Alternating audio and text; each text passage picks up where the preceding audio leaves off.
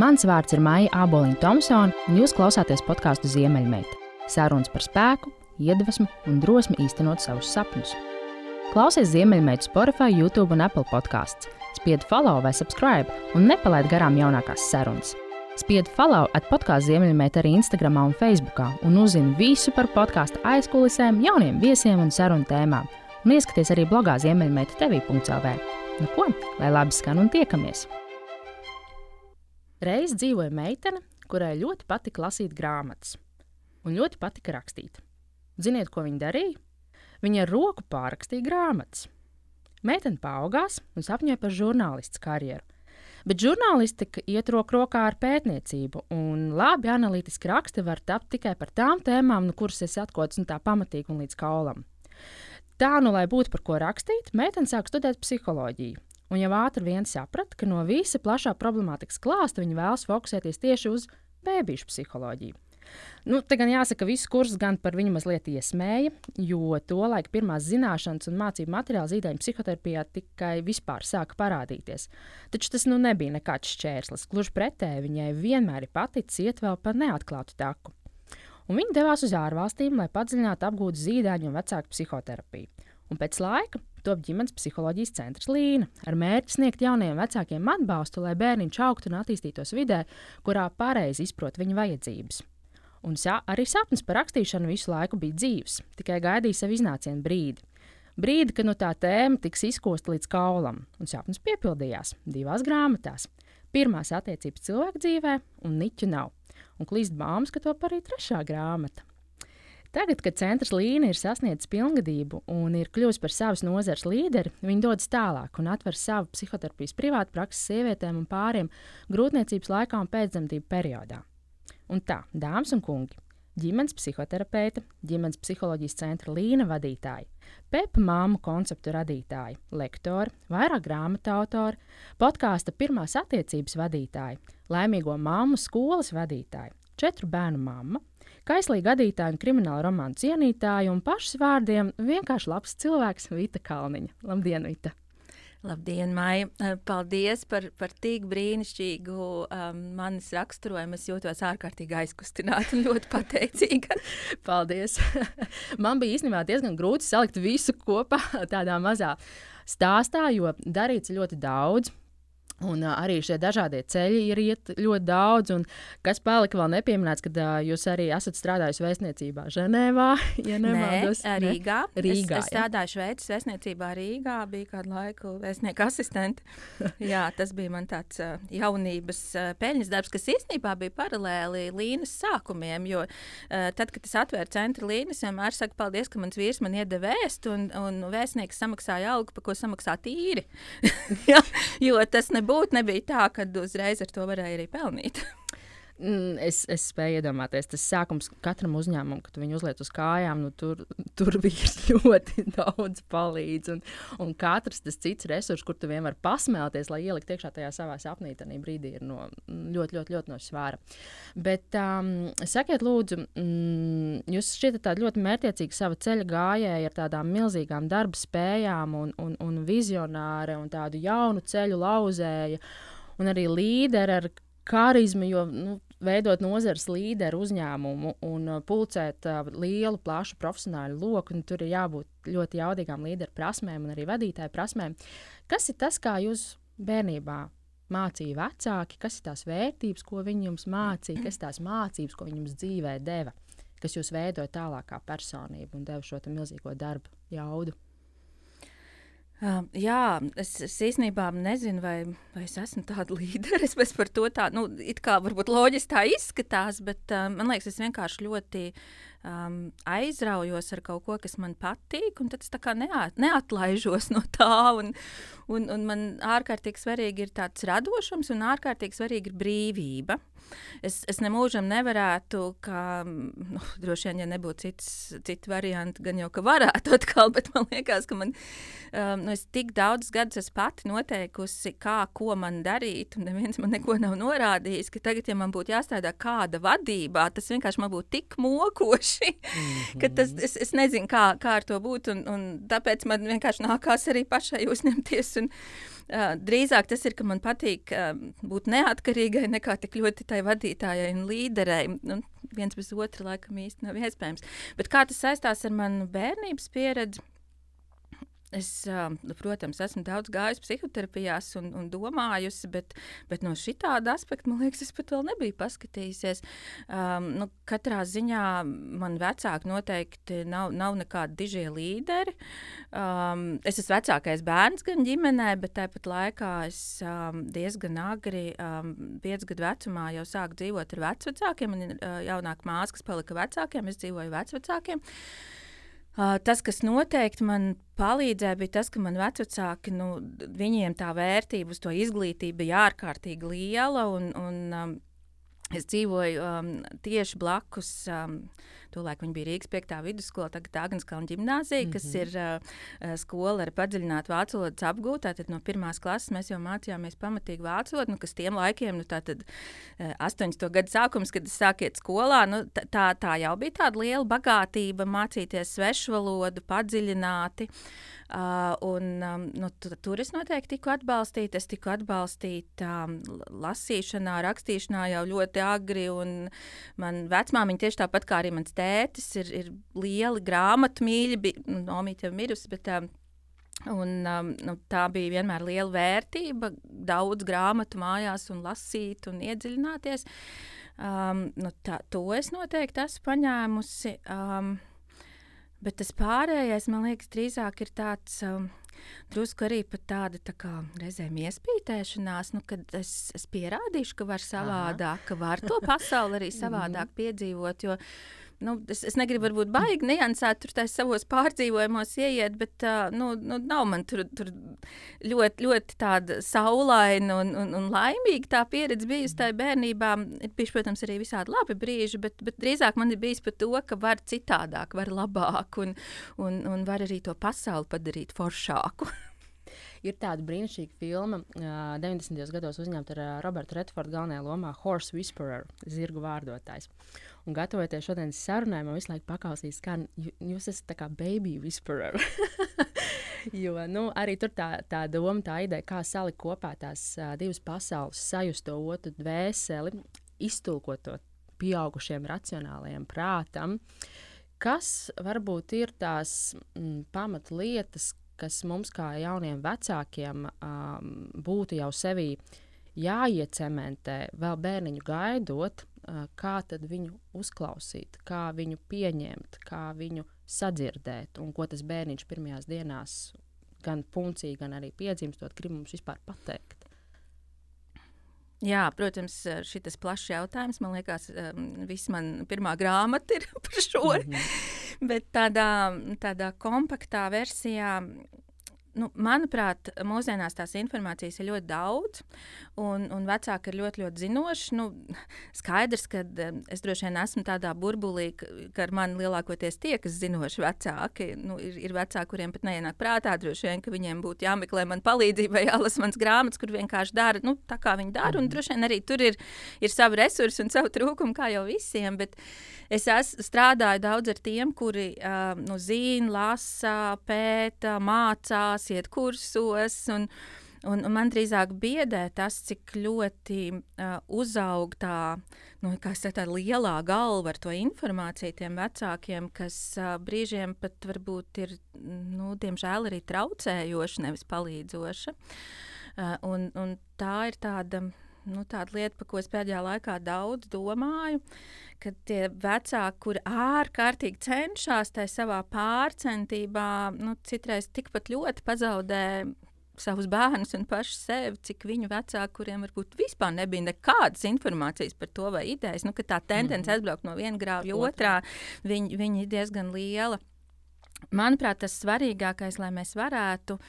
Um, saprasties ar savu mazuli, vienalga grūtniecībā, dzemdībās vai, vai pēc tam, ir um, nu, pietiekami sajust pašam sevi. Tas ir pats pats svarīgākais un būt pietiekami apzinātam par savām tik agrajām pieredzēm, cik nu, tas ir iespējams, uh, un cik nu, tas ir iespējams arī tikt jau ar viņām galā līdz tam. Ko es ar to domāju? Visās manās uh, bērnu psihoterapijas mācībās man ir bijuši divi tādi lieli skolotāji. Man, protams, glaimo, ka jūs man nenosaucāt par to, par to vārdotāju. Es, es jā, domāju, man vēl tur augt un augt. Man, man ir divi lieli vārdotāji mācījuši. Uh, viens no tiem ir Tomas Harms, kas ir uh, nu, Vācijā uh, ziedājuma psihoterapeits, un otrs ir Matthew Appleton, kas ir uh, no Bristolas. Um, Un tas, tas, kas ir viņu tajās mācībās bijis, uh, nu, vismaz puse no visa tā apjoma, ko mēs tur esam pavadījuši laiku, tās mācībās ir bijis savas agrīnās pieredzes apzināšanās un pārstrāde. Nu, pat tas uzsvers pat reizēm vēl vairāk ir uz to nekā uz to teoriju, nu, ko man tagad saprast par to bērnu. Un tas patiešām ir tas maģiskais, ko um, nu, kamēr kāds stāsta, liekas, ka ok, bet tad, kad to piedzīvo, tad, kad es biju izgājuši šīs mācības un tiešām arī izstrādājis tās savas agrīnās pieredzes, gan to, kā man klājās savas mammas vēdā, gan ļoti sīk un smalki pa periodiem visu savu dzimšanas uh, to pieredzi, uh, līdz, līdz pat pirmajam, uh, kamēr tiek tur pie mammas, un viss tur tā sadalīts sīk un smalki daudzu dienu garumā, tas viss tiek izstrādāts ka tad, kad manā kabinetā atnāca uh, vecāki ar saviem bērniem, uh, to momentā var redzēt, ka tas bērniņš sajūt, ka telpā ir kāds, ar kuru viņš var sarunāties un ar kuru viņš var saprasties.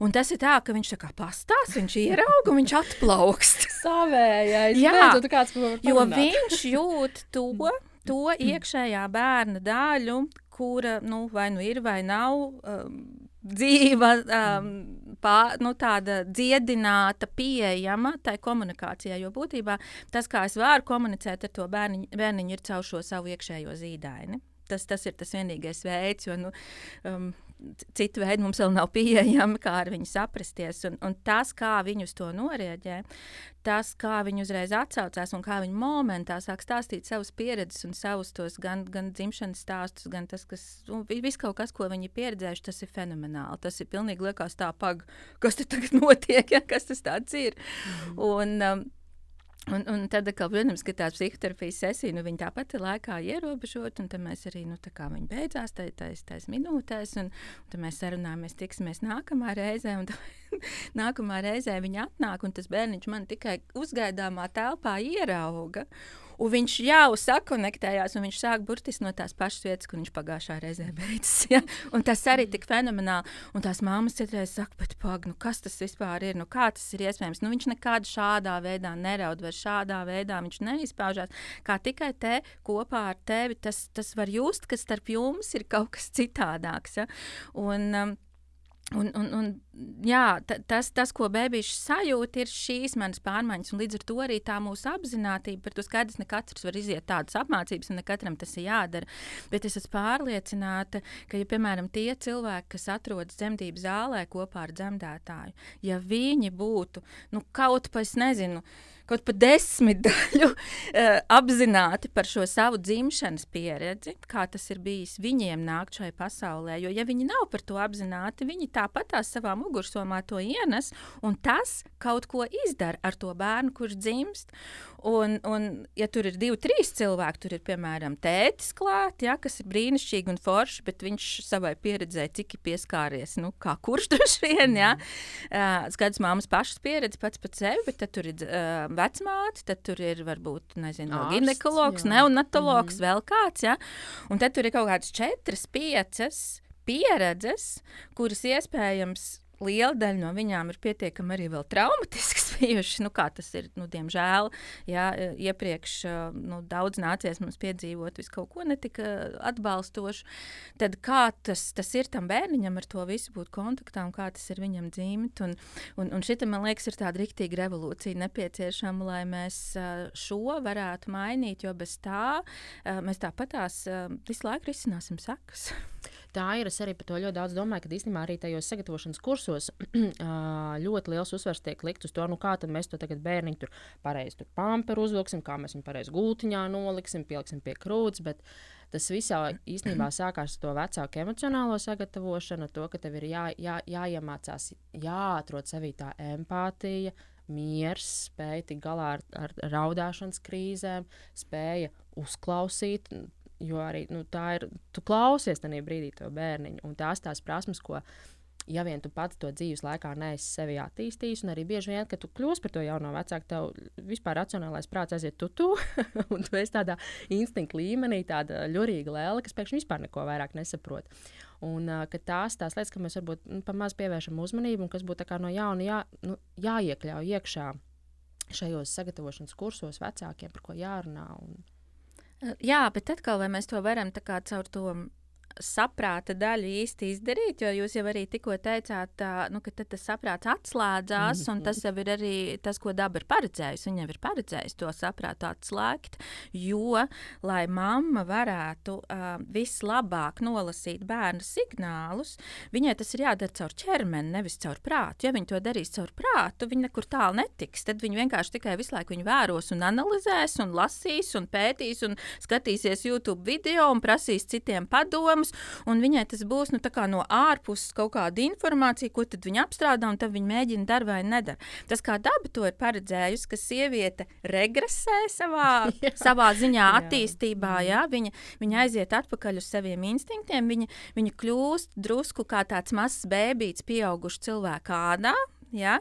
Eh, un, un nevēl tur arī tas milzīgais trauslums, ja? ko sievietes apraksta, kas viņas pilnīgi izmisumā dzēna. Ja? Un, un tas, eh, ko es citreiz saku, nu, tā, kā, eh, tā sajūta, kā bez ādas tu būtu mm -hmm. tik, tik ļoti ievainojams un tik jūtīgs. Ja? Kas tas ir? Nu, es esmu pilnībā atgriezies tajā savā iekšējā zīdainī, jo tikai caur šo iekšējo zīdaini es varu sajust arī, kas tam manam zīdainim patiešām ir vajadzīgs, un uz to pietiekami ātri, pietiekami optimālā veidā veidā reaģēt, kas tad ir tas, kas veido arī nu, mēs mūsdienās zinām to drošo piesaisti, par to jau vecāki tagad daudz zina un mācās. Ja? Bet, bet tas ir caur šo vajadzīgs. Ja mēs to darām caur šito vietu, Jā, caur galvu. Es domāju, neviens neredz mm -hmm. man droši vien tajā ierakstā, bet caur galvu. Um, Tad, jā, kaut ko mēs izanalizēsim, kaut kas būs pareizāk, kaut kas būs mazāk pareizi, bet tas patērēs daudz vairāk spēka, tas būs daudz mokošāk un daudz lielāka kļūda iespēja tajā. Ir. Starp citu, arī tā informācijas pārbagātība, ko jūs um, arī iepriekš minējāt, uh, kas ir, tur ir savu plusu un savu mīnusu. Jo no vienas puses, tu ieraugi ļoti daudz dažādas iespējas, kā frančūži aug, audzina bērnus, kā amerikāņi audzē bērnus, kā somi audzē, kā latvieši audzē. Un, un, un, un tev, tev ir sajūta, ka tu esi tādā mīnu laukā. Uh, lai to bērnu uzaudzinātu, jo tev ir tik daudz iespējas, ko darīt, ko nedarīt, un, un informācija, kā viena vai otra kustība var negatīvi atsaukties uz to bērnu, kas jau skatu nonāca tādā paralī, paralīzes momentā, vai arī otrs aspekts ir, ka tu apmaldies tajā informācijā, un tad arī tu nespēji vairs um, atfiltrēt, kas ir uzticams avots, kas nav uzticams avots, jo vēl jau nāk palīdzīgā omas un, un, un, un, un ar savu vēsturisko pieredzi un draudzenes un viss pārējais. Kā, kā sevī saglabāt to mieru un to spēju pareizi atlasīt informāciju? Um, nu, vispirms, uh, atmetot ideju, ka uh, ir pareizi un nepareizi. jo, jo tas jau pirmkārt rada nenormālu spiedienu mm -hmm. un mhm. spriedzi, un nav jau viens pareizi vai nepareizi. Uh, tas, ko jūs minējāt, tur frančūži, amerikāņi vēl kaut kā, nu, mums ir jāsaprot, ka.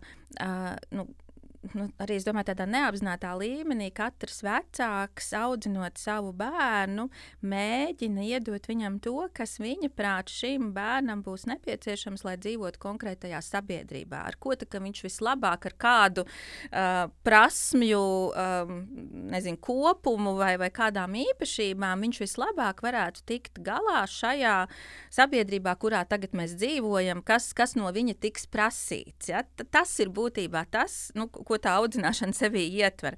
Un, ja mums liekas, ka jā, nu, piesaisti saka, tagad nu, tev ir jābūt iejūtīgam un, un jāļauj bērnam raudāt un jāļauj paust emocijas, jo tas taču ir pareizi. Bet no otras puses, es pats kā vecāks dzīvoju šausmīgā spriedzē par to, vai es būšu tas labākais, ja, vai, vai man būs veiksmīga karjera, vai, vai es varēšu tur dabūt nezinu, to, to vietu, tagad tai mhm. pozīciju tajā mm -hmm. savā darbā, pēc kuras es esmu sapņojis tikt un saņemšu tur nezinu tik daudz naudas, cik nu man tagad vajag, lai kaut ko. tad skaidrs, ka tās bailes tur fonā vienalga liks manā audzināšanā iekļaut kaut kādas stratēģijas, kas manām bērnam prasīs izpildīt kaut ko, lai man būtu drošāk, ka arī viņš varēs cīnīties par savu vietu zem saules un nopelnīt to lielo naudu. Un te reizēm ir tādas pretrunas, kas sākās, ko es arī nu, ļoti pamanu. Tī, tiešām tajos ļoti tādos vecākos, kas daudz piedomā, kā tad pareizi tos bērnus audzināt, ka, ka ir šī tā iejūtība, bet tad viņi varbūt ir līdz kaut kādam vecumam, un tad pēkšņi sākās, ka nenormāls prasības, uh, tad kurā tev tur skolā jāiet, un pat jau pirms skolas, ja tagad jau ir runa arī, kurā, kurā pirms skolā pareizajā iet, vai, lai vai nokļūtu lai nokļūtu atkal tur un vēl kaut kur un tā tālāk. Un, un, Un tas, kas man patiešām satrauc, es īstenībā šodien nākot uz sarunu, es domāju, jā, ka, kas ir tādi vēstījumi, kurus man baigi gribētos nodot, nu, par to, ka, par ko es tā pēdējā laikā domāju, kas man satrauc. Un šis tiešām ir tas, kas man satrauc, ka um, ka ir um, nu, kaut kā ļoti skaisti un viltīgi iesaiņotas uh, vardarbības dažāda, dažādās gan ģimenēs, gan mācību iestādēs mūsu laikos. Mēs nu, varbūt domājam, oi, nu tur parastajā pašvaldības dārziņā, oi, nu kas nu tur notiek, jā, vai parastajā skolā, visādi trakumi. Bet es, piemēram, domāju, ka mūsdienās daudz trakākas lietas, piedošana, var notikt dažādās privātās iestādēs iestādēs, kur it kā ir jāizpild šī vecāku prasība, nu, kā pēc kaut kāda standarta, ko nu, tam bērnam iedod, bet tad ar tādu smaidu uz lūpām un laipniem vārdiem tiek iemārketētas tādas audzināšanas metodas, kas absolūti nav ne par iejūtību, ne par kaut ko tādu.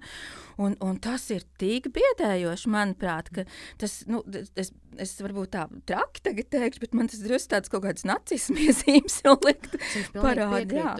tas ir, um, es pati to izdzīvoju vecāko puiku, uh, kur es palaidu dārziņā, kurš pēc visām rekomendācijām bija ļoti augstu kotējās, Montesori dārziņš, laba reputācija, un mēs beidzām pirmo gadu ar to, kad mēs meklējām arī palīdzību Līnā, -hmm. un, uh, Mums audzinātāji pateica, ka nu, mans bērns ir tik superagresīvs, ka uh, viņš apdraud citu bērnu dzīvības, un viņi viņu vairs neņems bez konkrēta pieskatītāja klāt. Un, uh, un man liekas, ārprāts, ārprāts, kā es to neesmu redzējusi, ka man ir tāds mežonis blakus mans puika, un ka viņš citus sita, viņš regulāri nāca mājās uh, sakniepts, saskrāpēts, uh, ar fiziskas vardarbības tādām stiprām pazīmēm, ka prasa audzinātāji, kas pa lietu nezinu, nokritis, sasitās, vai citreiz saka, nu, ko jūs gribat, viņš ir tik agresīvs. Protams, ka citi bērni viņam dos pretī.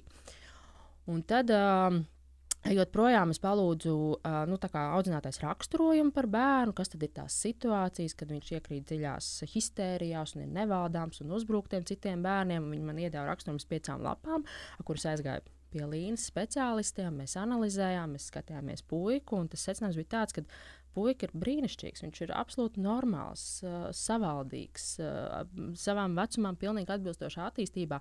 Bet tā ir problēma bērnu dārzā, ka tur ir kaut kāda mm, šī metodoloģija, mācību metodoloģija, kā viņi uh, tos bērnus audzina, jo tur ir salikt kopā dažādi vecuma bērni vienā grupiņā. Manējais bija divgadnieks, un tur vecākais ir sešgadnieks, un kā viņi tās, tās attiecības tur veido. Mans nemāk runāt, un citi māk runāt, un mans nevar pastāstīt, tikai caur ķermeņa valodu pastāstīt un kā audzinātājs, kā viņas uz šādām nu, situācijām reaģē, un ka viņas grib, lai bērns sēž maliņā un kaut ko knibina un paklausīgi zīmē, bet viņš grib skriet, viņš grib darboties, un kā šīs vēlmes tiek apspiestas. Un, un, un tas radīja tādu, nu, wow, likās, nu, nu, īstenībā šausmu lietas, nu, kā, kā tas viss tas tā gada laikā pagriezās un tāda laba iestāde teorētiski laba iestāde, un, un pēc tam tā komunikācija ar mums, kā ar vecākiem, kā tas mums viss izgriezās, bija ļoti, ļoti, ļoti nepatīkami. Un pēc tam to visu to bērnu savākt atpakaļ un uzlikt uz sliedēm, pēc tam kā viņš integrējās nākošajā dārziņā, kur viņš jau savus vienaudžus neredz kā draugus, bet vairāk kā apdraudējumu. Tā bija ļoti liela mācība šīm privātajām uh, iestādēm? Es domāju, dažādi ir. Ir dažādi gan, gan pašvaldībā, gan privātajās. Mm. Noteikti negribu šobrīd uh, teikt tikai, protams, ka tur ir protams. visādas problēmas, un, un skaidrs arī uh, vecāku un, un, un iestāžu sadarbība ir, ir ārkārtīgi būtisks jautājums. Bet, uh, jā, bet tas, ka um, nu, caur kaut kādu tādu smaidu un tev tā būs labāk, bērns tiek salauzts, tas man šausmīgi uztrauc. Hei! maza reklāmas pauzīte. Mana profesionālā mīlestība ir ilgspēja, biznesa un attīstība. Es palīdzu uzņēmumiem norentēties ilgspējas jautājumos un izstrādāt ilgspējas stratēģiju, kas iet roku rokā ar biznesa mērķiem, Eiropas Savienības likumdošanu, pasaules tendencēm un inovācijām.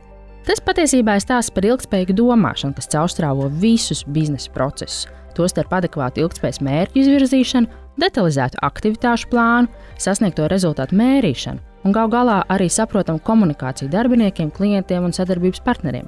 Taču pats svarīgākais paskatīties uz ilgspēju kā savu biznesa ilgtermiņa attīstības iespēju un avotu foršām inovācijām. Ja tas tev šobrīd ir aktuāli, raksti man māja.aboliņa.tomsona at gmail.com. Bet nu gan atpakaļ pie sarunas. Starp citu, nesen BBC bija publicējis tādu ļoti plašu pētījumu, kur galvenais secinājums bija tāds, ka īstenībā uh, bērni atstāja daudz lielāku iespēju uz mums vecākiem nekā mēs vecāki ar savu kļūdaino, nepareizo rīcību uz bērnu attīstību. Un kad uh, mums uh, vecākiem vajadzētu nedaudz noņemt to savu vainas sajūtu par to, ka mēs tos bērnus bērnībā varbūt sabojam vai vēl kaut kā, jo viņi bērni ienākot mūsu dzīvē, viņi liek mums pārskatīt vērtību sistēmu, dienas grafiku, prioritātes, uh, savus emocijas pārskatīt, jo nevelti arī jūs esat teikusi, ka bērni tie, kas atved vecākus uz terapiju, kamēr nu, mēs vecāki kaut kādu kļūdamies, bet tas bērniņš aug, viņam ir savs temperaments, viņam savs raksturs, viņam sava attīstības posma, un viņš to uzsūdz kaut kā tā vieglāk, vienkāršāk. Vai jūs piekrītat tādai tēzei? Es pilnīgi piekrītu, ka mēs iespaidojamies apusēji, un skaidrs, tur nevar izmērīt, tur, kurā gadījumā, kur ir lielāks tas iespējas. Es, es varbūt nepiekrīstu, ka bērni ietekmē vecāks vairāk nekā vecāku bērnu. Es domāju, tas ir ļoti dažādi un individuāli. Bet nu, tas, ka īstenībā bērniņš ar savām nu, vajadzībām, ir tīpaši, ja viņš ir varbūt tāds. Es pat negribu teikt, prasīgs bērns. Nu, viņš ir normāls bērns, bet nu, vienkārši viņa, viņa temperaments, nu, viņš, viņš dzīvo, viņš ir, uh, viņš ir aktīvs, viņš jā, visu kaut ko grib un vēlās. Un, un tas ir brīnišķīgi, ka bērni visu kaut ko grib un vēlās. Tas ir tik superīgi. Nu, nu, viņi arī grib un vēlās pēc tam kaut ko sasniegt un izdarīt, un, un šajā pasaulē pienest visādas labas lietas. Ja? Un, un, bet, protams, ka vecākiem ir tīpaši, ja tas nav viens bērns, ja tie ir vairāk, tā ir milzu slodze. Tīpaši ņem vērā to, nu, ka viņiem jau ir arī vēl jāspēj uh, maizi nopelnīt un, un, un kaut kas vēl savā dzīvē izdarīt. Partnerattiecības nedrīkst it kā, ja tā runā, aizlaist galīgi dēlī, ja? un, un, un, un, un prātā nesajukt pie viena vēl, ja? un, uh, nu, ir tik daudz, kas vienlaicīgi notiek, un, un es tiešām uzskatu, ka, um, nu, ka bērni var būt ārkārtīgi milzīgs stresors, vecākiem, netīšām, bet, bet tā nu tas ir, un ka tas mums ir jāņem vērā. Un tāpēc es teikšu, godīgi, jo, jo tālāk es pat attālinos no tā mazo bērnu vecuma, jo vairāk kaut kā man arī man liekas, vieglāk ir viņš no malas to redzēt, jo kamēr pats tur iekšā, tas liekas, viss ir normāli. Bet tagad, kad es pastos uz vecākiem, kur tiešām apzināti izvēlās vienu pēc otra ļoti mazām starpībām bērniņus laist pasaulē, es teikšu, godīgi, man, man sāpēs jau viss iekšā sažņaudzās, ka es, ka es šito redzu un, un ka es saprotu, kas viņus tur gaidīs, jo es tik daudzām ģimenēm esmu bijusi līdzās tajā, kas tad tur pēc tam tiešām gaida, uh, ka es domāju, ka Dievs vai tiešām kāds sev to apzināti grib nodarīt. ja? nu, varbūt tas izklausās briesmīgi. Es, protams, zinu, ka bērniem ir jādzimst, un tas ir forši, ka bērni dzimst, un, un ka vecāki to uzņemās. Tas viss ir superīgi, bet, uh, bet kaut kā tomēr nu, nenovest sevi ar tiem bērniem nu, uz tās robežas, kad, nu, kad nākamais solis jau ir kas tiešām sajūgš prātā. Kas ir tā veselīgā gada starpība?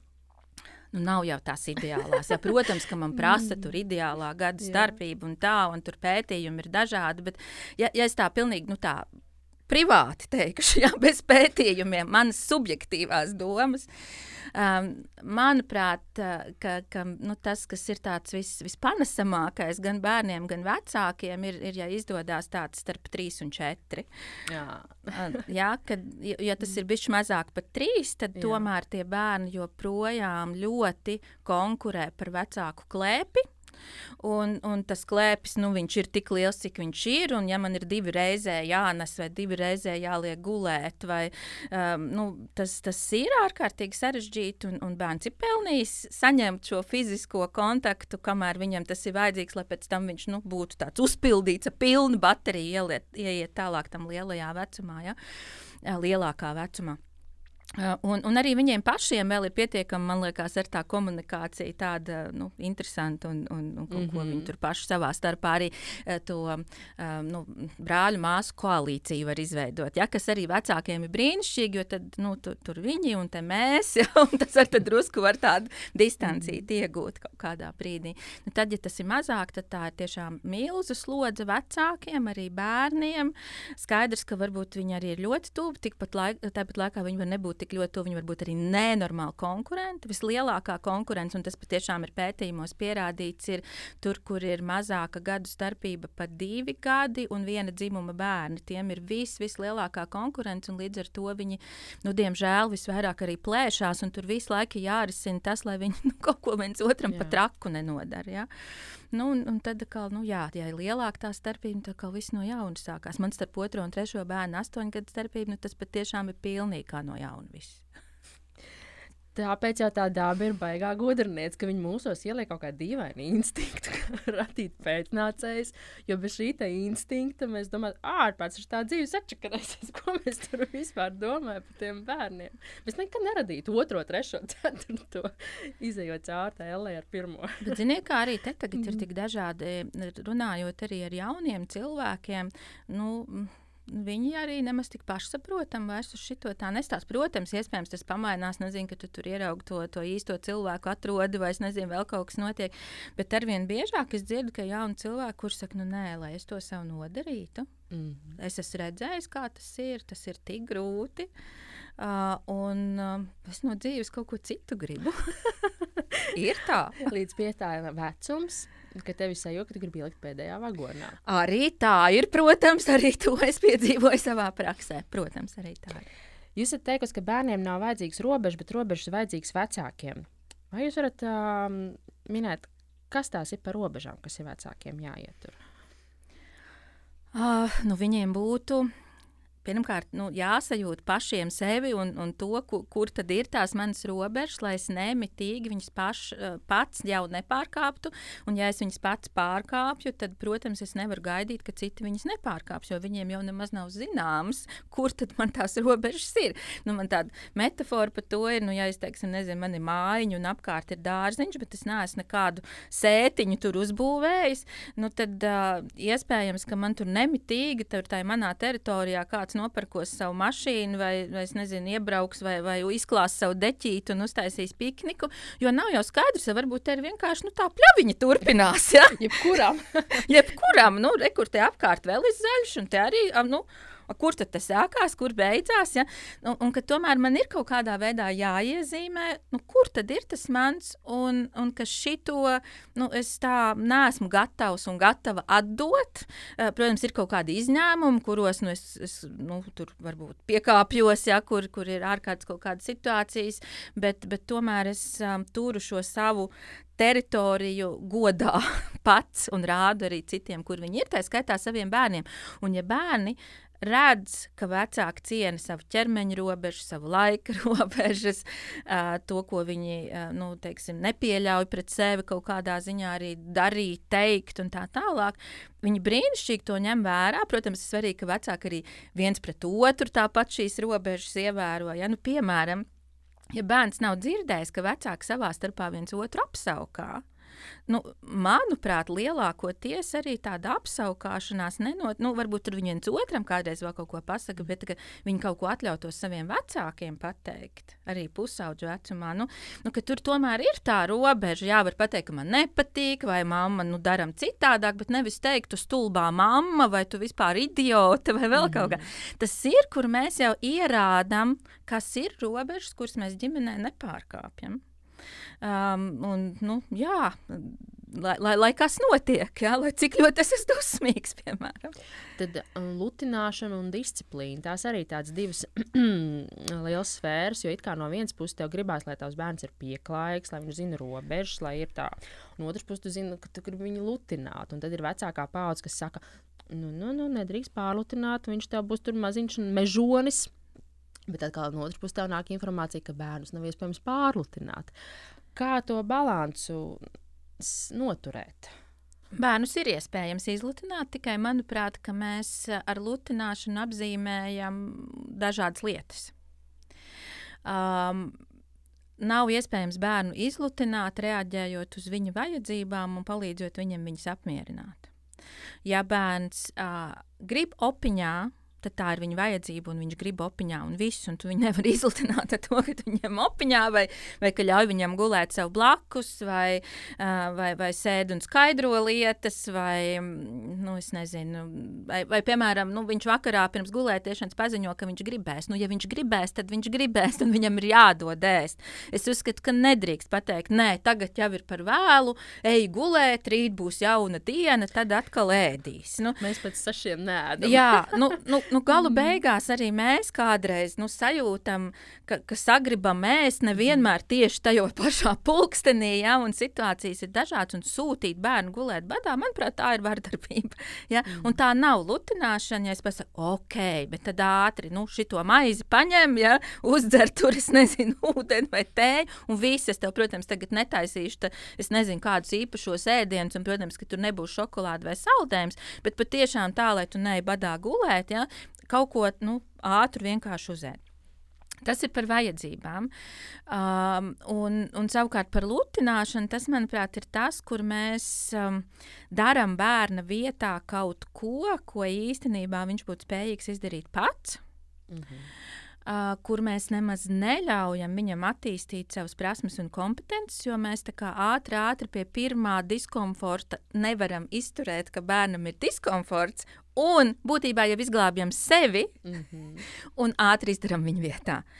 Bērns tur mēģina siet, tur kurpi, piemēram, nu kā viņš tur sien pirmās reizes, ja mums jāskrien, jāsteidzās, mm -hmm. ai, nu palaidas tev ātri sasiešu. Mm -hmm. uh, šis ir tas, kur, protams, vienā brīdī iespējams viņš pateiks, ka viņš vairs negrib, bet bērns, kurš, kurš ir tāds pašvērtējums, viņš nenormāli apvainosies. Nu, es, man, man, jaunākais bērns man visvairāk ir man acu priekšā, kā viņš var apvainoties, ka kaut ko izdara viņa vietā, ka es kādreiz tur ātri, ātri sakrāmējam tev to somu skolu mammu, kāpēc tu izdarīji manā vietā, jo viņš to kā pazemojumu uztver.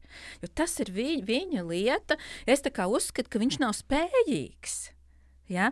Uh, bet, bet, ja vecāki to tā ieradiņo, viņiem tā ir vieglāk, ātrāk. Viņi nevar izturēt, ka bērnam kaut kas nesanāk, vai ka bērns nu, iečīkstās. Nevienmēr viņš iečīkstoties, pasakā, dari manā vietā. Viņš vienkārši pasakā, man ir grūti. Un man kā mammai vajadzētu, o, oh, jā, tev uzreiz nesanāk. Nu, pamēģini vēlreiz, pamēģini varbūt citā veidā. Ja? Varbūt tā vēl es pagaidīšu, nekas, kamēr tev izdosies. Ja? Un, un es ļauju viņam to izdarīt, kamēr viņš apgūst. Bet, um, Tas pats par bērniem. Cik daudz vecāku, kā bērniņš iečīkstās, viņš, piemēram, uz grīdas kaut kur spēlējās, kā viņš iečīkstās, tā viņš tiek ņemts uzreiz opā un nēsāts. Ja? Un tad, vai tā ir viņa vajadzība vai nē? Mm -hmm. Nu, nav bērna vajadzība pie katra čīkstiena, ka es uzreiz viņu ņemšu un nesāšu. Iespējams, ka viņam vienkārši palika garlaicīgi tajā brīdī. Garlaicība ir emocija, kur mūsdienās arī pieauguši cilvēki nav raduši izturēt. un tad mēs nemaz arī bērniem nemācām to, ka arī tā ir emocija, ko tu pats varētu regulēt kaut kādā brīdī. Ok, tev ir garlaicīgi, tad tu bišķiņ paesi tajā emocijā, bet tad tu jau pasties apkārt, varbūt tu kaut ko citu iedomājies, ko tu varētu darīt, un re, ir vēl cita lieta, un tu pārslēdzies un aiziet tālāk. Bet ja es uzreiz tev paņemu opā un sāku kaut ko rādīt, tas jau nemaz neļauj tev to iespēju, to iemācīties, to apgūt. Un šī ir tā lutināšana, kas kavē bērnu attīstību. Uh, kas vienā brīdī droši vien arī pat, um, uh, nu, neatstāja viņam to ticību, ka viņš pats var, ka viņš vairs nemēģina, ka viņš vairs nemeklē, ka viņš tikai gaida, ka viņu glābs, ka viņu glābs no visām situācijām, un, un lai kāds diskomforts viņam dzīvē būtu, ka viņš netic, ka viņš var iziet cauri tām emocijām, ka viņš nenomirs viņās, mm -hmm. jo mamma jau arī netic, jo viņa pat nevar izturēt. Mm -hmm. ja? un, un, um, um, ļaut viņam to savu ceļu um, neglābjot. Tas man liekas, ir nenormāli svarīgi. Atšķirt to. Un kā ir ar slavināšanu jau no mazām dienām? Uh, tu molocis, mans mazais zaķis, te festivāls, tas ir čempions. kā ir ar to? Vai, vai ir iespējams bērnu pārslavināt? Mm. Um, ir, ja tie ir tukši vārdi. Ja tā ir tehnika, metode, kuru es izmantoju, jo nu, tā taču ir labi. vajag teikt labus vārdus cilvēkiem. Mm. Un es domāju, ka ja, arī pieaugušie, nu, ja mēs tā atceramies savā dzīvē, nu, es nezinu, skolotājus, pasniedzējus, uh, priekšniekus darbā, nu, noteikti uh, katrs tā padomājot par savām pieredzēm, var atrast pieredzes, kur viņi saņēmuši tādu patiesus vārdus un, un iedrošinājumu, kur, kur jā, tas mani stiprina, un kur ir teikti kaut kādi vārdi, bet viņi tā kā, nu, tā kā neaiziet. Nu, tā kā, nu, kaut kur bija, nolija un viss. Un, un, un, jā, un, un drīzāk varbūt citreiz pat es jutos, ka ar mani manipulē. Jo ar šiem vārdiem arī brīnišķīgi var manipulēt. Mm -hmm. Brīnišķīgi. Ja? Darbā, piemēram, nu, klausies, tu taču mums labākā darbinieca. Vispār neviens nevar izdarīt tik labi kā tu. Tas, kā tu to prezentāciju uztaisīsi, neviens tev nestāvēs līdzās. Uztaisīs, lūdzu. Mm -hmm. ja? mm -hmm. Sestdienā, svētdienā varbūt, ja? jo mums vajag ļoti ātri. Mm -hmm. nu, protams, uztaisīšu, jo es taču kā neviena tik laba. Ja? Bet nu, reāli manipulācija. Un, ja vecāki arī ar saviem bērniem manipulē, Tad tas, ko viņi iemāca, viņi iemāca bērnam tādu nu, neīsto pašvērtējumu. Viņi iemāca dzīties pēc kaut kādiem vārdiem, bet viņi nestiprina bērnu tajā, nu, ka viņš tiešām nenotic. Viņš vienkārši saprot, ka viņam ir vajadzīga laba atzīme, viņam ir vajadzīgs tas labais teikums, ko pateiks, bet nevis, ka viņam ir šī iekšējā motivācija. Tā ir ārējā motivācija, ko mēs veidojam. Bet tad, ja mēs no sirds pasakām, o, kā es priecājos, ka tev izdevās. Un tas ir tā, ka es to saku, man pilnīgi, nu, tā kā tiešām sirds sirdies to sajūtu, mans ķermenis kā novibrēna. Es tiešām par tevi priecājos, tev izdevās. Tad tam ir cita nozīme, cita mm. jēga. Tas bērns arī to uztver citādāk. Jo nu, bērni jau atšifrē mūs no nu, tik agri jau. Viņi, viņi nu, perfekti zina, vai tas ir vienkārši vārds, ko es pasaku, vai tas ir patiesi. Starp citu, bērniem tas ir mūsu spogulis, un tas ir ļoti interesanti, cik ļoti viņi uzsūdz no visu mums. Un bieži vien paskatoties, uh, liekas, nu, jā, re, kur es tev pateicu, toreiz šitādu lietu, un re, kā es toreiz tev aizliku šitā gulēt, un kā tas manī atspēlējās. Un, un, un tā ir tāda iekšēja drosme. Vai nu tu spēj tajā spuklī ieskatīties un ātri korrigēt kaut kādas savas audzināšanas lietas, vai nu tu nespēj tajā spogulī ieskatīties. Un tad uh, tev tas spogulis pēc tam izaug liels, un tad jau viņš nu, nāk daudz reizes lielāku spēku atpakaļ. Tas viss. Tā ir tāda uh, spēcīga, sāpīga lieta, ko arī interesanti no savas no malas paskatīties, kā viņi mūs spoguļo. Nu, jā, es piekrītu. Protams, ka mēs tur redzam gan to, kas mums ir izdevies, gan to, kur mēs esam kļūdījušies. Bet pilnīgi visi cilvēki savā dzīvē, ja vien viņi kaut ko dara, viņi kļūdās. Vienalga, vai tas ir darbā, vai tas ir audzinot bērnus. Uh, Mēs esam cilvēki, un visi cilvēki kļūdās. Un, un tas, kas būtu tik svarīgi, nevis baidīties no tā, ko es tur ieraudzīšu tajā savā bērnā, un nāk, Dievs, cik tas ir šausmīgi, un tagad kā no ātri, ātri glābt kaut ko. Ja? Bet ok, jā, interesanti, acīm redzot, nu, kaut ko tādu es esmu mm. teikusi, vai kaut kā tā tas ir bijis.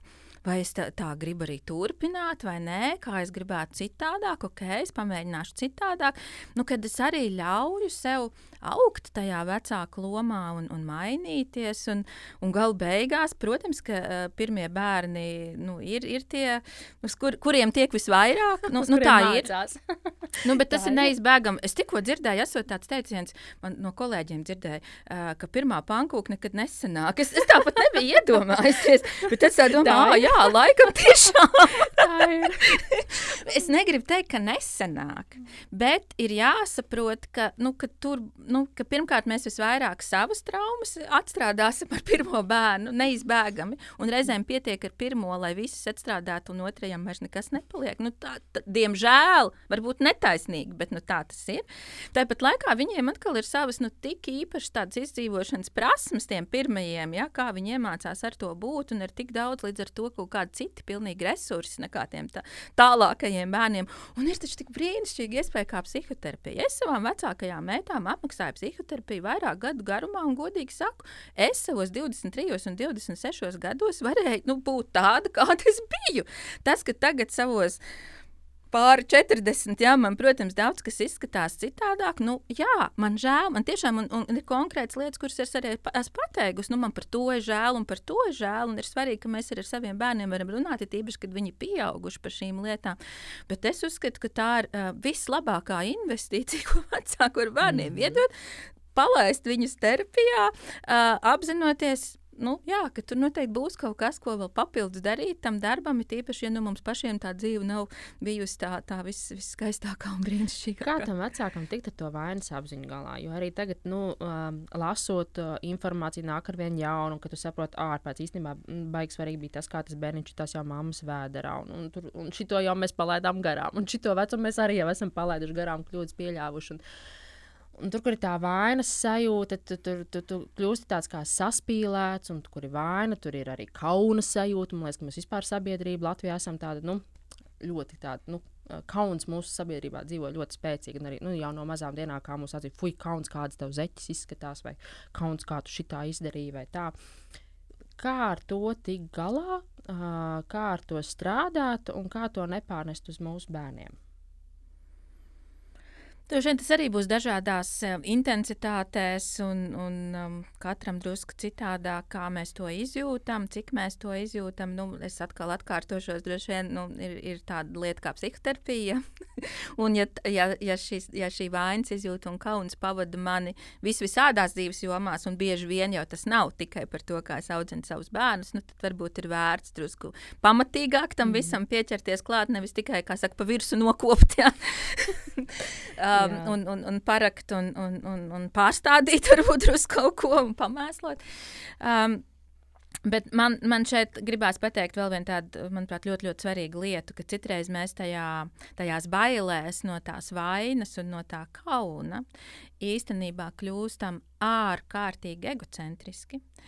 Um, un um, būtībā vienīgais īstenībā, kas mums rūp, mēs jau sakām, ka rūp nenormāli kā tam bērnam, bet tas, kas īstenībā rūp, ir kā es izskatos citu cilvēku acīs, kā vecāks.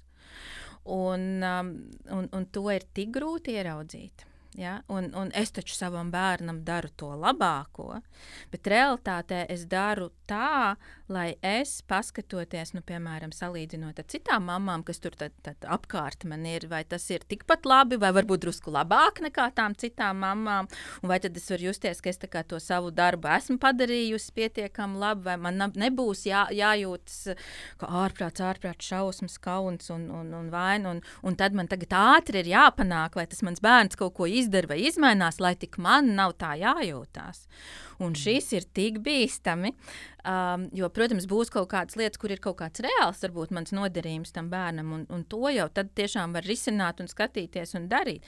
Bet tur, kur ir tas, tas tāds iztēlotais, vai tas, nu, kur man ir bail, ka tikai kāds kaut ko nepiedo, nepadomā, tad es caur to varu ļoti daudz savam bērnam pāri nodarīt ļoti daudz, neļaujot viņam īstenībā realizēt sevi varbūt tajā jomā, kurā viņš vēlētu, neļaujot viņam izpausties, kā viņš vēlētu, kušinot, kauninot, virzot kaut kur, kur mm -hmm. man mhm. liekas, ka ir vērtīgi iet, ja, un, un Jā. aizliedzot citas lietas. Tas tā ir tāda milzīga problemātika. Un vēl viena lieta, lieta ir, um, piedzimstot pirmajam bērnam, pašā pirmajam bērnam, piedzimst arī jaunie vecāki. Un, kad piedzimst jaunie vecāki, tad parasti ir tā, ka viņi vispirms izšķīst, uzsprāgst, un tad viņi lēnām ložņā liek sev kopā pa tiem gabaliņiem. Uh, Un tā ir tāda nu, milzīga identitātes krīze. Gan kā mammai, gan, gan, gan jauniem tētim. Un, un, un, un tā ir identitātes krīze, kurā tu vari iekrist un pazust. Jo A, tev ir ļoti daudz sociālie tīkli, kur tev ir superlaimīgās, skaistās mammas ar maziem bērniem, un tu esi savā mājā, savā vidē, un domā, ārpēc, kāpēc es neatbilstu tam, kā, cik skaists ir tās mammas. Uh, Uh, bet tu iekrīpsi kaut kādās depresijās uh, un vainas apziņā, kad tev bija tavs sapnis par skaisto bērnu, bet patiesībā tā realitāte ir pilnīgi, pilnīgi cita. Kas ir tas posms, cik ilgi, tā, cik ilgi šāds posms varētu vilkties? Uh, ilgt, veselīgi, tad tas pārdzimšanas posms un kā atzīt, ka tu neesi viņā iestrēdzis. Uh, un vai kaut kā apkārtējie cilvēki var palīdzēt uh, tiem jauniem vecākiem tikt ātrāk tam pāri. Um, nu, jā, pārdzimšana tas droši vien arī ir tas, tas vārds, ko es lietotu. Jo nu, es uzskatu, ka ar katru bērnu piedzimst jauna sieviete un arī jauns vīrietis. tas, tas ir kaut kas. Um, kaut kas pilnīgi savādāk, un, un tas vecais ir, ir savā ziņā jāpalaiž, lai tas jaunais vispār varētu ienākt. Šī, manuprāt, ir, ir liela grūtība, uz ko daudzi iestrēgst. Uh, Uh, jo um, nu, lielai daļai vecāku ar pirmo bērnu liekas, nu, redz, man dzīvē tagad viss kaut kas jau forši ir, un, un re, kur attiecības, re, kur darbs, re, kur karjera, re, kur hobiji, nezinu, nu, es esmu to dzīvi tādu jau smuku salicis, tā kā šķīvīts pilns ar visu kaut ko, un es varu viņu baudīt. Un, un, un piedzīvot. Un tagad, nu, tur, tur tā kā pa virsmu es vēl uzliku tādu ķirsīti, tas būs tas bērniņš. Nu, kas tad man tad visu to tad vēl tā izskaistinās mm -hmm. līdz galam, un tad būs perfekti. Ja? -hmm. Tagad nu, man būs nokomplektēts. Un, uh, un, un reizēm es saku tā, ka tas, kas tur notiek, izrādās, ka nu, tur apakšā ir tāda, tāda saldējuma torte, kur virsū uzliktais ķirsītis nonāk, tad tas, tas saldējums tur apakšā viss izkūst un paliek tikai ķirsītis un liela pēļķa. Ķirsītis pēkšņi svēra vienu tonu, uzkrit uz tās saldējuma kūkas un viss. Jā. Uh, jo, uh, nu, diemžēl tas, kam, kam nav daudzi, daudzi jaunie vecāki gatavi, ka šī loma prasa uh, um, atteikšanos no daudz kā, um, varbūt uz laiku. Varbūt uz pavisam.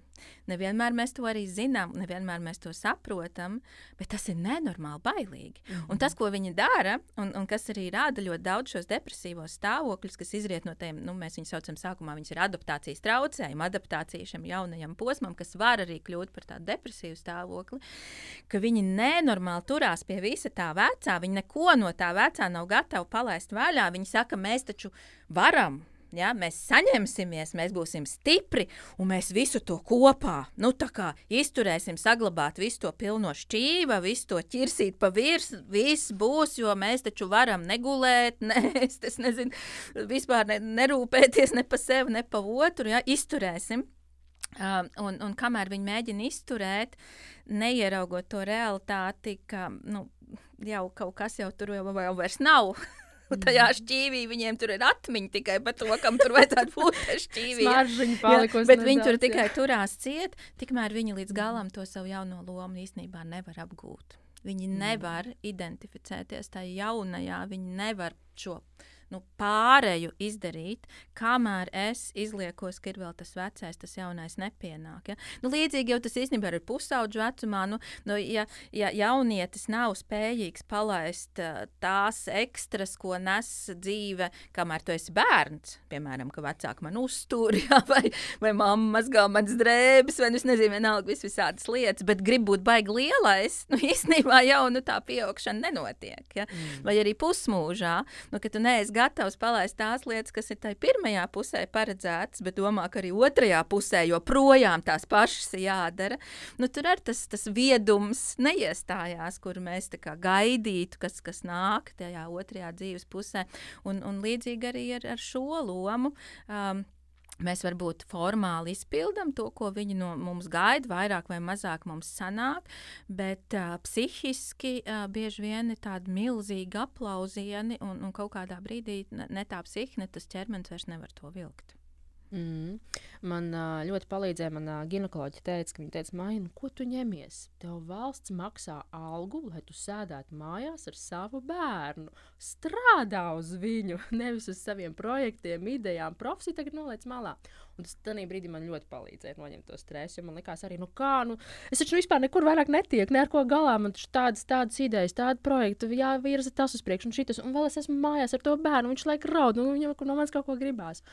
Un tas man tajā brīdī tā, ok, šis ir mans darbs, šis ir mans projekts, man uz to tagad ir 100% jāfokusējās. Un tas tā ļoti palīdzēja to vispārējo atlaist. Bet otra lieta ir arī mm, tā jaunā identitāte sievietei, īpaši savu ķermeni. Jo tu ieraugi to ķermeni sākotnēji, uzreiz pēc tam mm, pēcdzemdību periodā.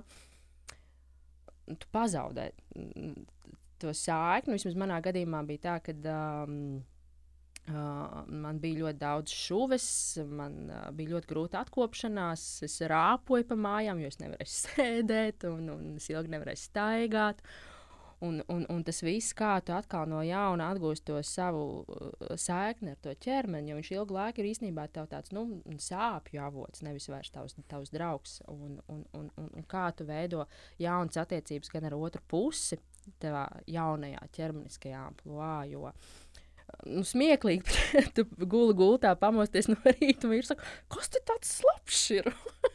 un tu saproti, jā, mēs esam pamodušies piena peļķē. un tev jau tāds, oh, my God. Vai jā, ir šuvis, kurš man var mājās palīdzēt, tās šuvis apkopot. Mans vīrietis var viņas palīdzēt. Tā, kā viņš man ierauga, kā sieviete, pilnīgi savādāk. Kā es tajā brīdī jūtos. Kā nulle zem zemes ar mīnuszīmi. Domāju, vai es vispār kādreiz varēšu rehabilitēties kā sieviete. Un tas tāds um, arī tāds ļoti, ļoti liels jautājums, kā nu, arī darbs ar sevi emocionāli, kā tu vari atjaunot to savu saikni ar sevi un, un cik ilgā laikā, un kas ir tie instrumenti, pie kuriem ķerties klāt, lai atjaunotu savu saikni ar ķermeni. Um, jā. Um, jūs tā ļoti personīgi arī padalījāties. Es domāju, kā, kā lai es tā Var droši tā personīgi atlikt malā. uh, nu, īstenībā tas, ko es gribēju jau arī pie tā iepriekšējā jautājuma piemetināt par to, ka nevar nolikt kaut kādas lietas malā un gribās kaut ko turpināt. Nevienmēr jau tas ir tā, par to, ka uh, ka tur būtu baigi izvēle. Ko es ar to domāju? Ar to es domāju, diemžēl, um, um, nu, jā, traumatisks pieredzes izpausmes. Un, ja, ja mēs esam piedzīvojuši traumatisku pieredzi, un tā trauma joprojām mūs tur savā gūstā, tad viena no izpausmēm ir, ka mēs nekur nevaram rast mieru, un ka liekas, ka visu laiku ir jādarbojas, bet tā darbošanās nenes nekādu īstu rezultātu. Uh, un, um, un, un līdzīgi arī ar to ķermeni, ja viņš ir tāds ļoti, ļoti ievainots, um, protams, ir um, nu, tādas kā. Nu, arī psihē tās dabiskās atkopšanās spējas, tāpat kā ķermenim ir kaut kāda dabiska atkopšanās, arī psihē ir dabiska atkopšanās, un um, ne katra uh, traumatiska, sāpīga, smaga dzemdību pieredze kļūst par posttraumatisku stresa sindromu, ja mēs tā uzreiz pa diagnozēm. Mm -hmm. Bet, um, Un, un, un daļa no viņām uh, tiešām pirmo sešu mēnešu laikā tiek pārstrādāta, pateicoties tam, ja sievietei ir uh, gan daudz jau pašai uh, resursu, gan vesela psihe bijusi iepriekš, ja viņai jau ir kaut kāda pieredze, kā ar sevi strādāt, ja viņai ir apkārt cilvēki, ar kuriem viņa var par to runāt, dalīties, justies, um, ja, ja tas var nākt no viņas ārā, ja tas var attīrīties. Ja tāpat tās, kā mēs fiziski arī attīramies, tāpat tās mums arī emocionāli ir jāattīrās no visa šī. Savukārt, ja mēs vienkārši to sapakojam un noliekam kaut kur nost, un ok, tas bija, un tagad es tikai par to nedomāšu, bet mēģināšu tā, sākt jaunu, skaistu dzīvi, un, un, un, un tagad nu, aprūpēšu savu ķermeni, un gan jau viss būs kārtībā. Lielākoties jau tas tāpatās velkās kaut kur līdzi, un, un šī nepārstrādātā trauma var būt klātesoša ārkārtīgi ilgi un nest līdzi visdažādākās sekas, kas iet tālāk, aiziet uz otro grūtniecību, nākamām dzemdībām un tā tālāk. Un tā tālāk. Un šī ir arī ļoti liela problemātika, jo mūsdienās varbūt vēl nu, mēs esam sākuši runāt par pēcdzemdību depresiju. Tas, tas jau arī nemaz nav nekas baigi tāds ilgi, ka mēs runājam par to, ja, un, un Latvijā Diemžēl joprojām nu, ļoti netiek, cik es zinu, tas, tas pat diferencēts. Um, nu, grūti arī tā statistika, cik ir tieši pēcdzemdību depresijas, cik ir parastās depresijas, lai gan tā, tam būtu nozīme to papētīt. Uh, tāda nu, klasiska tieši pēcdzemdību depresija ir saistīta ar, ar šo jaunās māmas lomas apguvi un, un, un tur kaut kādiem traucēkļiem uh, pieņemt, iemīlēt šo bērnu un, un, un tikt uz priekšu. Lai gan šobrīd arī ļoti daudz literatūrā raksta rakstīts, ka pēcdzemdību depresijas uh, lielākā daļa no viņām īstenībā jau ir sākušās vai nu grūtniecībā, mm. vai bijušas jau pat gadiem pirms sieviete vispār ir palikusi stāvoklī. Ja? Tā arī ir ārkārtīgi liela problemātika. Ko, ja mēs koncentrējamies tikai uz to, o, pēcdzemdība tagad ir, ja palika slikti, redz, bērniņš piedzima, palika slikti. Nē, nu, tas bija vienkārši tā tāds pēdējais piliens, ja? jo tā psihe, nu, viņa arī viņa nes, nes, nes, bet tā, kad ir ļoti liels slodzi, nu, tā kā viss tāpat reizēm cilvēki ilgi ilgi sūdzās, nu tur mugura pavelk, pavelk, ja? bet tad kaut kas notiek, un viņš paliek uz gultas un vairs nevar piecelties. Ja? Mm. Un ne jau tas, tā, tas viens rimī maisiņš to izdarīja, bet tas vienkārši bija tas pēdējais piliens kaut kāds. Mm. Bet tad ir tā otra lieta, kas vispār šobrīd ir um, ļoti maz diferencēta Latvijā, ir šis posttraumatiskā stresa sindroms, kur tā, tās izpausmes, jeb tie simptomi var līdzināties pēcdzemdību depresijai. Bet īstenībā uh, nu, viņi tomēr ir pilnīgi citādāk risināma šī lieta, jo kamēr mēs nepārstrādāsim traumu, mēs šai sievietei līdz galam nevarēsim palīdzēt. Ja mēs to ārstēsim kā depresiju, mēs kaut ko tur drusku varbūt apdarīsim. Skaidrs, ka drusku kaut kas vieglāk viņai būs, bet uh, ilgtermiņā šī problemātika iespējams tā arī paliks neatrisināt vēl uz priekšu gadiem. Viņi ar viņu staigās. Un, uh, Man ir tik žēl klausīties, cik ārkārtīgi daudzas sievietes, um, jau vecmāmiņas un tiešām lielā vecumā joprojām staigā apkārt savām nepārstrādātām dzemdību traumām. Un tas, ko viņas dara, diemžēl, neapzināti daudzas. Tad, kad viņas tiek pie kādas jaunās mammas, kur gaida bērnu, tad Jā. viņas uzskata par savu pienākumu brīdināt. to savu traumu, vismaz daļu viņai atdot, ja? atstāt pie viņas. Un tad ir tās jaunās māmas, kas stāsta, es vairs nevaru izturēt visus šos stāstus, ko man tās citas sievietes stāsta, ja vispār kas tas ir, kas tās par šausmām, kas tie par ārprātiem. Un, protams, jau, cieš, jau caur šiem stāstiem viņas sāk arī tās jaunās māmas traumatizēt. Ja? Bet tas ir tas, ka es ne, nu, staigājot apkārt ar savu neapzināto traumu, vienkārši citus inficēju, es esmu ne tikai pats nevesels un noteikti cieši gan fiziskā, gan psihiskā līmenī, bet arī citiem dzīvi bojāju. Nu, tas ir tā, ka, ja es nezinātu, piemēram, mūsdienās, ja, ka man ir eh, šobrīd uh, aktīva covid saslimšana, ja, un, un turpināt staigāt apkārt, ja, un, un tad, oi, oh, cita ar slimo, ja, interesanti. kā tā gadījās? ja, kā tā gadījās. Nu, tas pats ir īstenībā arī ar šīm nepārstrādātām traumām, mm. bet tas ir, man liekas, vispār tik nekontrolēti un tik plaši, uh, par to man arī ļoti sāp sirds. Kas ir laimīga mamma? Kāda ir laimīga mamma?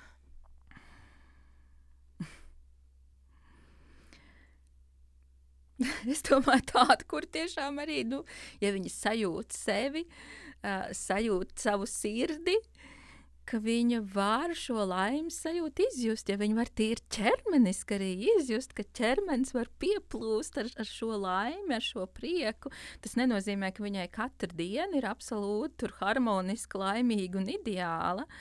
Uh, bet, uh, jā, ir kaut kādas grūtības, viņa kaut ko risina, ir kaut kāda perioda, kas ir smagāka, kaut kad viņa neizguļās, kaut kad viņa dusmojās arī. Viss kaut kas arī viņas dzīvē notiek, bet ja tā kopumā viņa paskatās uz to savu dzīvi, es nezinu, pēdējos mēnešos, kad viņa tā var teikt, bet tas ir tik forši, ka es esmu mamma, un man ir tik forši bērni, un tas ir vispār superīgi. ja? nu, tā, tā kopumā tā bilants tomēr aiziet tajos plusos, un ka viņa nevis ar prātu to izsacina, ne, nu man jau viss ir labi un kārtībā. Jā. Bet viņi tiešām to var izjust. Nevelti mums ir iedots ķermenis, lai mēs varētu just. Un, uh, atceramies, ar, ka emocijas uh, nu, jā, ir, ir tas uh, nu, kaut, kas, protams, ko mēs arī domājam tajās emocijās, bet uh, emocijas mēs izjūtam visā savā ķermenī. Un, un, un, un tas ķermenis ir milzu draugs un, un instruments un sabiedrotājs mums visā ceļā. Uh, par maz, man liekas, mēs to liekam lietā. Man liekas, ka šeit arī mēs mm, gribētu teikt, kas ir laimīgs tētis, kuram arī blakus jābūt. Man liekas, ka tētiem šodien ir jo īpaši grūta dzīve. Jo mainās tā expectācijas pret tētiem, pret vīriešiem, mainās expectācijas, viņu loma ģimenē mainās es pat teiktu, ka kaut kā tā mūsu pēkšņā absolūtā norma, ka mēs pilnīgi pieņemam, sakām, nu, kā nu vīrietis ir būs blakus dzemdībās. Tur vispār par to nav pat, par ko runāt. nu, kad reizēm iztrūks arī šādas sarunas, un kad uh, ka tev ir jābūt gan naudas pelnītājam, gan labam vīram, gan, gan, gan, gan jārūpējās par tiem bērniem, gan viņi vēl jāizved uz dārziņu, vēl pēc tam vakarā jāieskrien mājās pēc pārtikas, un tev vēl vakarā tu atnāc, tu esi darbā, labi performējis, un atnāc vakarā mājās, un tur vēl tev ir nikna sieva, kas tev atdod uzreiz to brēcošo bērnu, pasaka, tā, viss tagad sākās mans laiks. Kā mēs varam um, palīdzēt tiem vīriešiem, vai varbūt ne palīdzēt viņiem, bet, nu, mazināt to spriedzi, lai tas beigās mums nesanāk kā tāds milzīgs sprādziens. Jo arī viņi cilvēki, viņi, viņi netiek ar to galā. Un tā viņi ir cilvēki. Es, un, uh, Jā, uh, es, es laikam negribu piekrist, ka vīriešiem ir grūtāk nekā sievietēm. Es, es nemērītu to tā, kuram ir grūtāk vai kuram ir vieglāk. Protams, atkal katrā ģimenē tas var ļoti atšķirties. Uh, bet es domāju, ka šis laiks ir ar paaugstinātām prasībām gan pret sievietēm, gan pret vīriešiem, un ar ļoti atšķirīgām prasībām, kā tas ir bijis paudzi vai divas paudzes iepriekš, gan pret mamām, gan pret tētiem. Un es nedomāju, ka pret tētiem tas būtu kaut kā nu, man, vairāk, man liekas, mamām tas spiediens arī ir gana liels. Um, tāpēc um, es drīzāk teiktu, kā mēs varam palīdzēt jaunajiem vecākiem, un jo mhm. vairāk viņi redzēs uh, to, nu, ka viņiem ir jāveido šī sadarbība savā starpā tajā, un ka nav viens uh, atbildīgais vai viens cietējs, jo, manuprāt, arī nu, veiksmīgāk kaut kā nu, tas būs. Jo, Tikpat labi es varu teikt, nu, protams, ka man klientūra lielākoties ir sievietes. Uh, citu, man liekas, diezgan arī man Instagram sekotāju pulks šito parāda. No maniem, cik man tur tagad ir 12,000 sekotāji, 98,2% ir sievietes. un, um, un, un vecumā no 25 līdz 35 gadi, ja, kas tad arī nu, visticamāk ir jaunās mammas. Ja. Nu, nu, tie ir arī cilvēki, ar kuriem es vairāk esmu kontaktā, protams, profesionāli. Um, ka um, pat tad, ja tas vīrietis ļoti daudz iesaistās un ir ļoti daudz superīgu tēti mūsdienās, es esmu mm -hmm. tik labu, labus tētus piedzīvojis, redzējis un priecājos par viņiem. Un, un, um, bet arī pie, pie visa tā, joprojām lielākoties ir tā ideja, ka tētis ļoti labi palīdz mammai tikt galā ar bērnu. Ja? Un tad, kad ir jāpieņem kaut kādi lielāki lēmumi, tie vienalga lielākā daļā man zināmo ģimeņu ir sievietes pusē. Un, uh, viņas ziņā ir saorganizēt, saplānot, izdomāt desmit soļus uz priekšu. Jā, protams, arī deleģēt kaut ko savam partnerim, ko viņš paldies viņam paņem.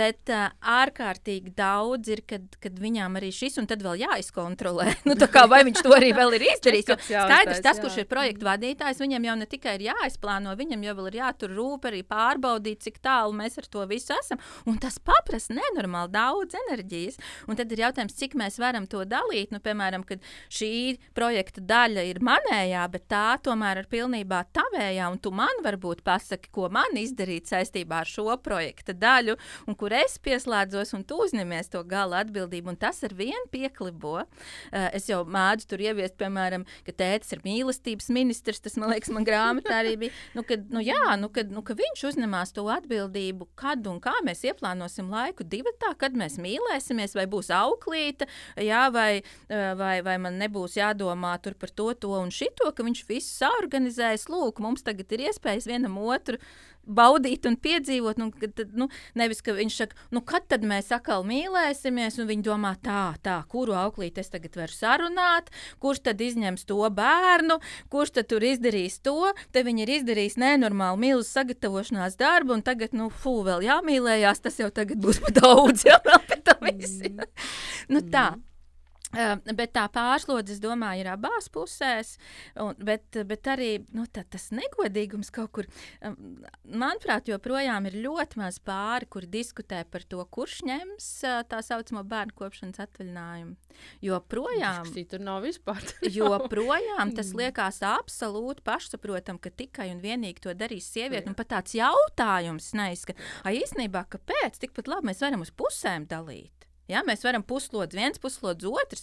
Mēs varam sešus pirmos mēnešus, es, sešus otros tu. Mēs varam tik dažādi to darīt, bet vispār tāds jautājums pat neizskan.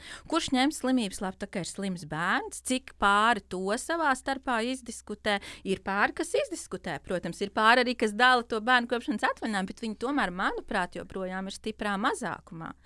Kurš uzņemsies atbildību par tālāko kontracepciju, piemēram?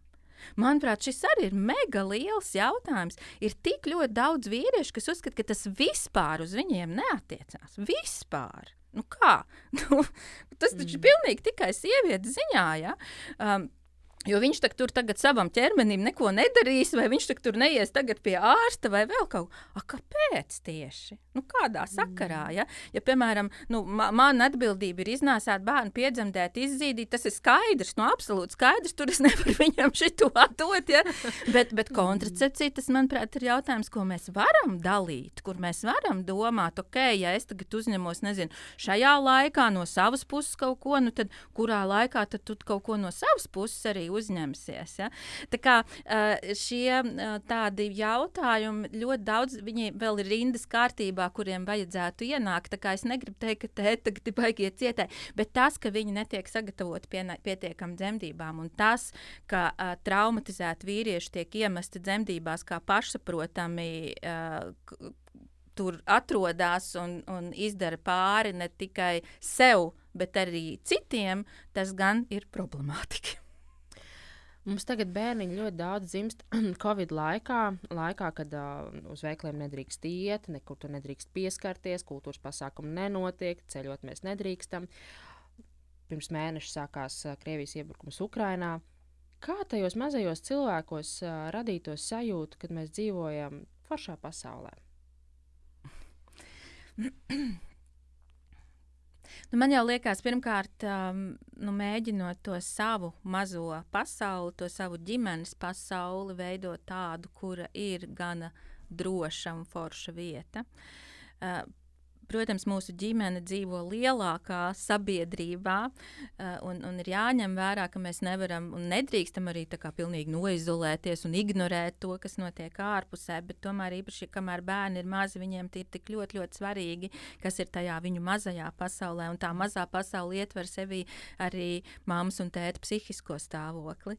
Jo, ja viņi uh, nu, būs bailēs un šausmās, tad um, nu, tas, um, tas, diemžēl, to, to drošību nu, nekādā veidā tiem bērniem neiedod. Tad tas, vai viņš var veikalā kaut kam pieskarties, vai viņš var satikt omīti, vai nezinu, tur māsītes kaut kādu, tam vairs nav tik liela nozīme. Ja viņš dienā dienā ir kopā ar saviem aprūpētājiem, kuri nemaz nespēja līdz galam būt šeit un tagad savā ķermenī, viņi nespēja emocionāli būt klātesoši, jo viņi ir sastinguši šausmās, ja viņi visu laiku mēģina kaut ko risināt savā galvā es nezinu, kur mēs brauksim, kā mēs glābsimies. Uh, nu, vienalga, vai mēs nesaslimsim, nu, nu kas nu tur kuram katrā galvā notiek.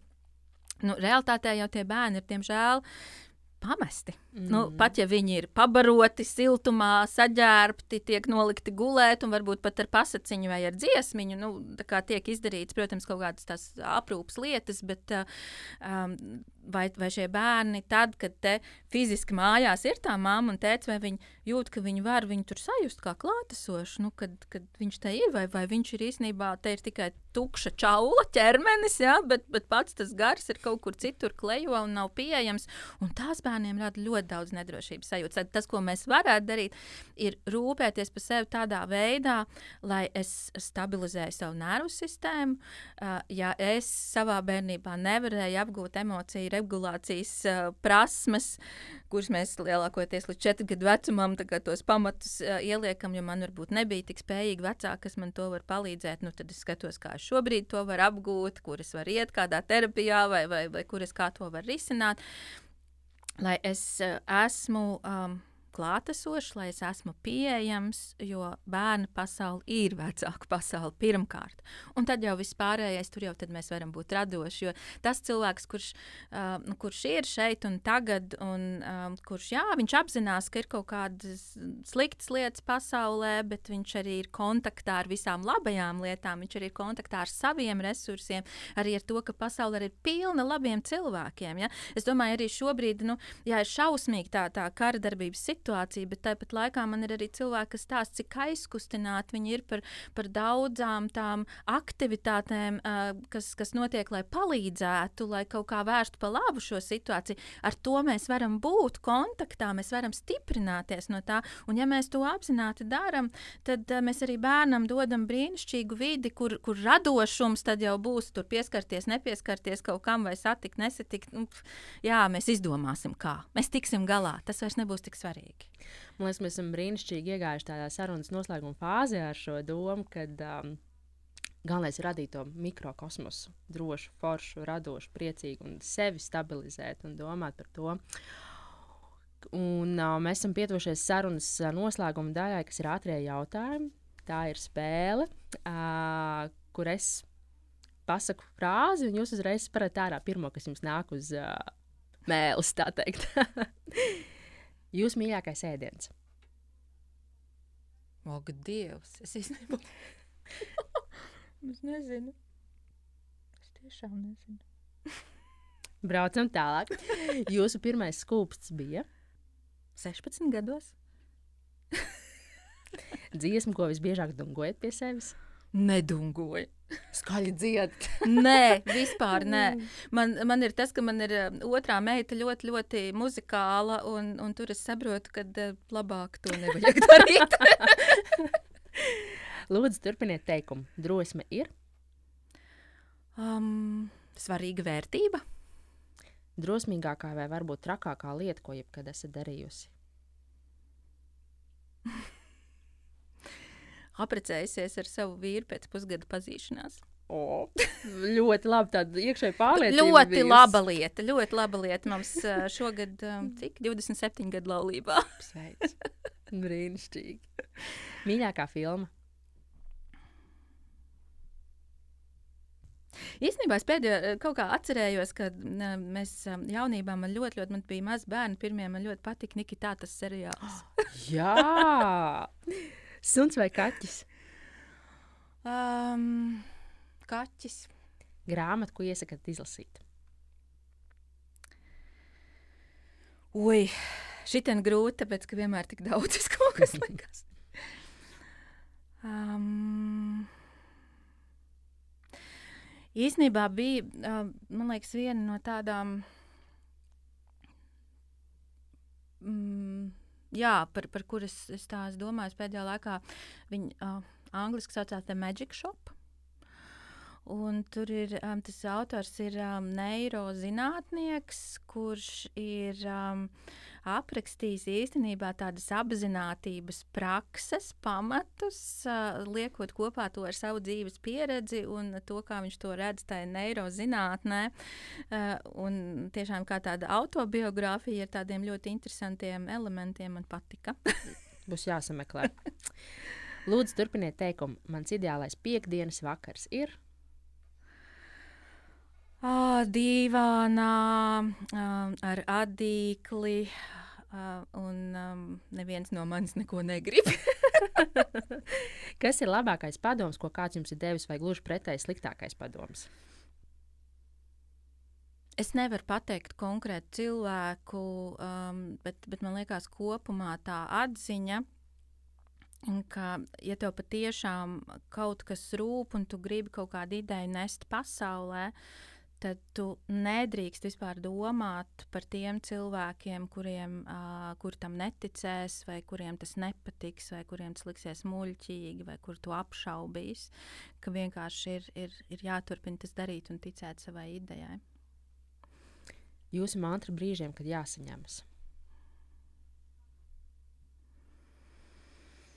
Mm. Es man liekas, tā īsti neko savu, savu nesaku, bet uh, es, um, es diezgan vēršos pie sava ķermeņa pēc palīdzības. Es uh, tiešām cenšos sevi sajust, pēlpot, uh, stabilizēties, sajust sevi riktīgi ar kājām pie zemes. Un, un, un, un, ah, un iespējams, tomēr saku soli pa solim. Nu, un uh, personība, kuru jūs iet vakariņās, vienalga vēsturiska, izdomāta, literāra, esoša. Mm. Mm -hmm. Tā ir tik plaša izvēle. mm -hmm. Man ienāca prātā Daniels Sterns, viņš ir miris jau. Bet viņš ir nu, teikt, viens no pirmajiem mātes un zīdaiņa psihoterapijas pamatlicējiem. Tāds, kas tiešām arī jau tās lietas ir, ir aprakstījis. Un, um, jā, kā, kā, kā tie pirmsākumi. Es, es iedomājos par, par Freidu, eh, bet tas tā drusku ar tādu smaidu. Es kā, gandrīz katru reizi, kad es esmu Vīnē, es, es eju uz viņu muzeju, jo man baigi patīk būt tajā vietā, eh, un tas arī viņa dzīvoklī, ja, eh, kur, kur tiešām tas viss sākās. Es neesmu psihoanalīzes fane un, un, un, un tā virziena beigā fane, bet lai kā tas ir šobrīd mainījies, um, man, man, man ir tāda liela cieņa pret uh, sākumu, pret tiem pirmsākumiem pasākumiem, jo tur ir lielai drosmei jābūt, mm. lai, lai kaut kādām jaunām idejām nāk klajā. Kā, uh, un, un es domāju, ka Daniels Sterns arī bija viens no tiem, kur, kur arī bija vajadzīga tāda liela drosme un, un tāds, uh, jā, tāda inovācija tajā jomā man būtu interesanti. Nu, forši. Paldies jums šodien par sarunu. Man gan palika vesela lapa jautājumiem, kas vēl netika uzdot, bet laiks, diemžēl, ir uh, nepielūdzams. Un, uh, ļoti daudzas un svarīgas atziņas mēs šodien izrunājām, un, un, un, un, un, un tas um, iedod tādu nu, brīnišķīgu atkal to sajūtu, kad uh, nu, ir jāstrādā uz to harmoniju sevi, ir jāstrādā savu mazo mikrokosmosu. Uh, ir eh, jāstrādā ar partneri uz sadarbību, uz sarunām, uz, uz, uz tādu kopīgu mērķu no, izvirzīšanu. Un, un, un, un kad ir svarīgi turēt tās arī tās acis plaši atvērtas un ar sirdi klausīties tajos mazajos cilvēkos, jo viņi mums saka ļoti, ļoti, ļoti daudz priekšā. Tā kā paldies jums liels! Un, um, Es noteikti tikšanos vēl kādā sarunā Ziemeļmeitā nākotnē, lai uzdotu tos jautājumus, kas palika vēl neuzdoti. Paldies liels par sarunu. Man, man tiešām bija interesanti. Un, un, jā, un, un joprojām paldies par to skaisto pieteikumu. paldies! Paldies, ka biji kopā ar mums! Ja tev patika šodienas podkāstu saruna, lūdzu, dalies ar to savos sociālos tīklos. Savukārt, ja tev ir ideja, kuru personību tu gribētu dzirdēt kādā no nākošajām podkāstu sarunām, raksti man Instagram vai Facebook atpodkāstu Ziemeļmeita. Un kas zina, varbūt šo personību mēs nointervēsim ar tevi kopā, šeit pat, ierakstu studijā. Kārlis Skalbi ir teicis, pasaulē nav gala un debesīm nav malas. Īstā dzīve ir liela kā pasaule un augsta kā debesis. Dzīvosim īsti! Atām!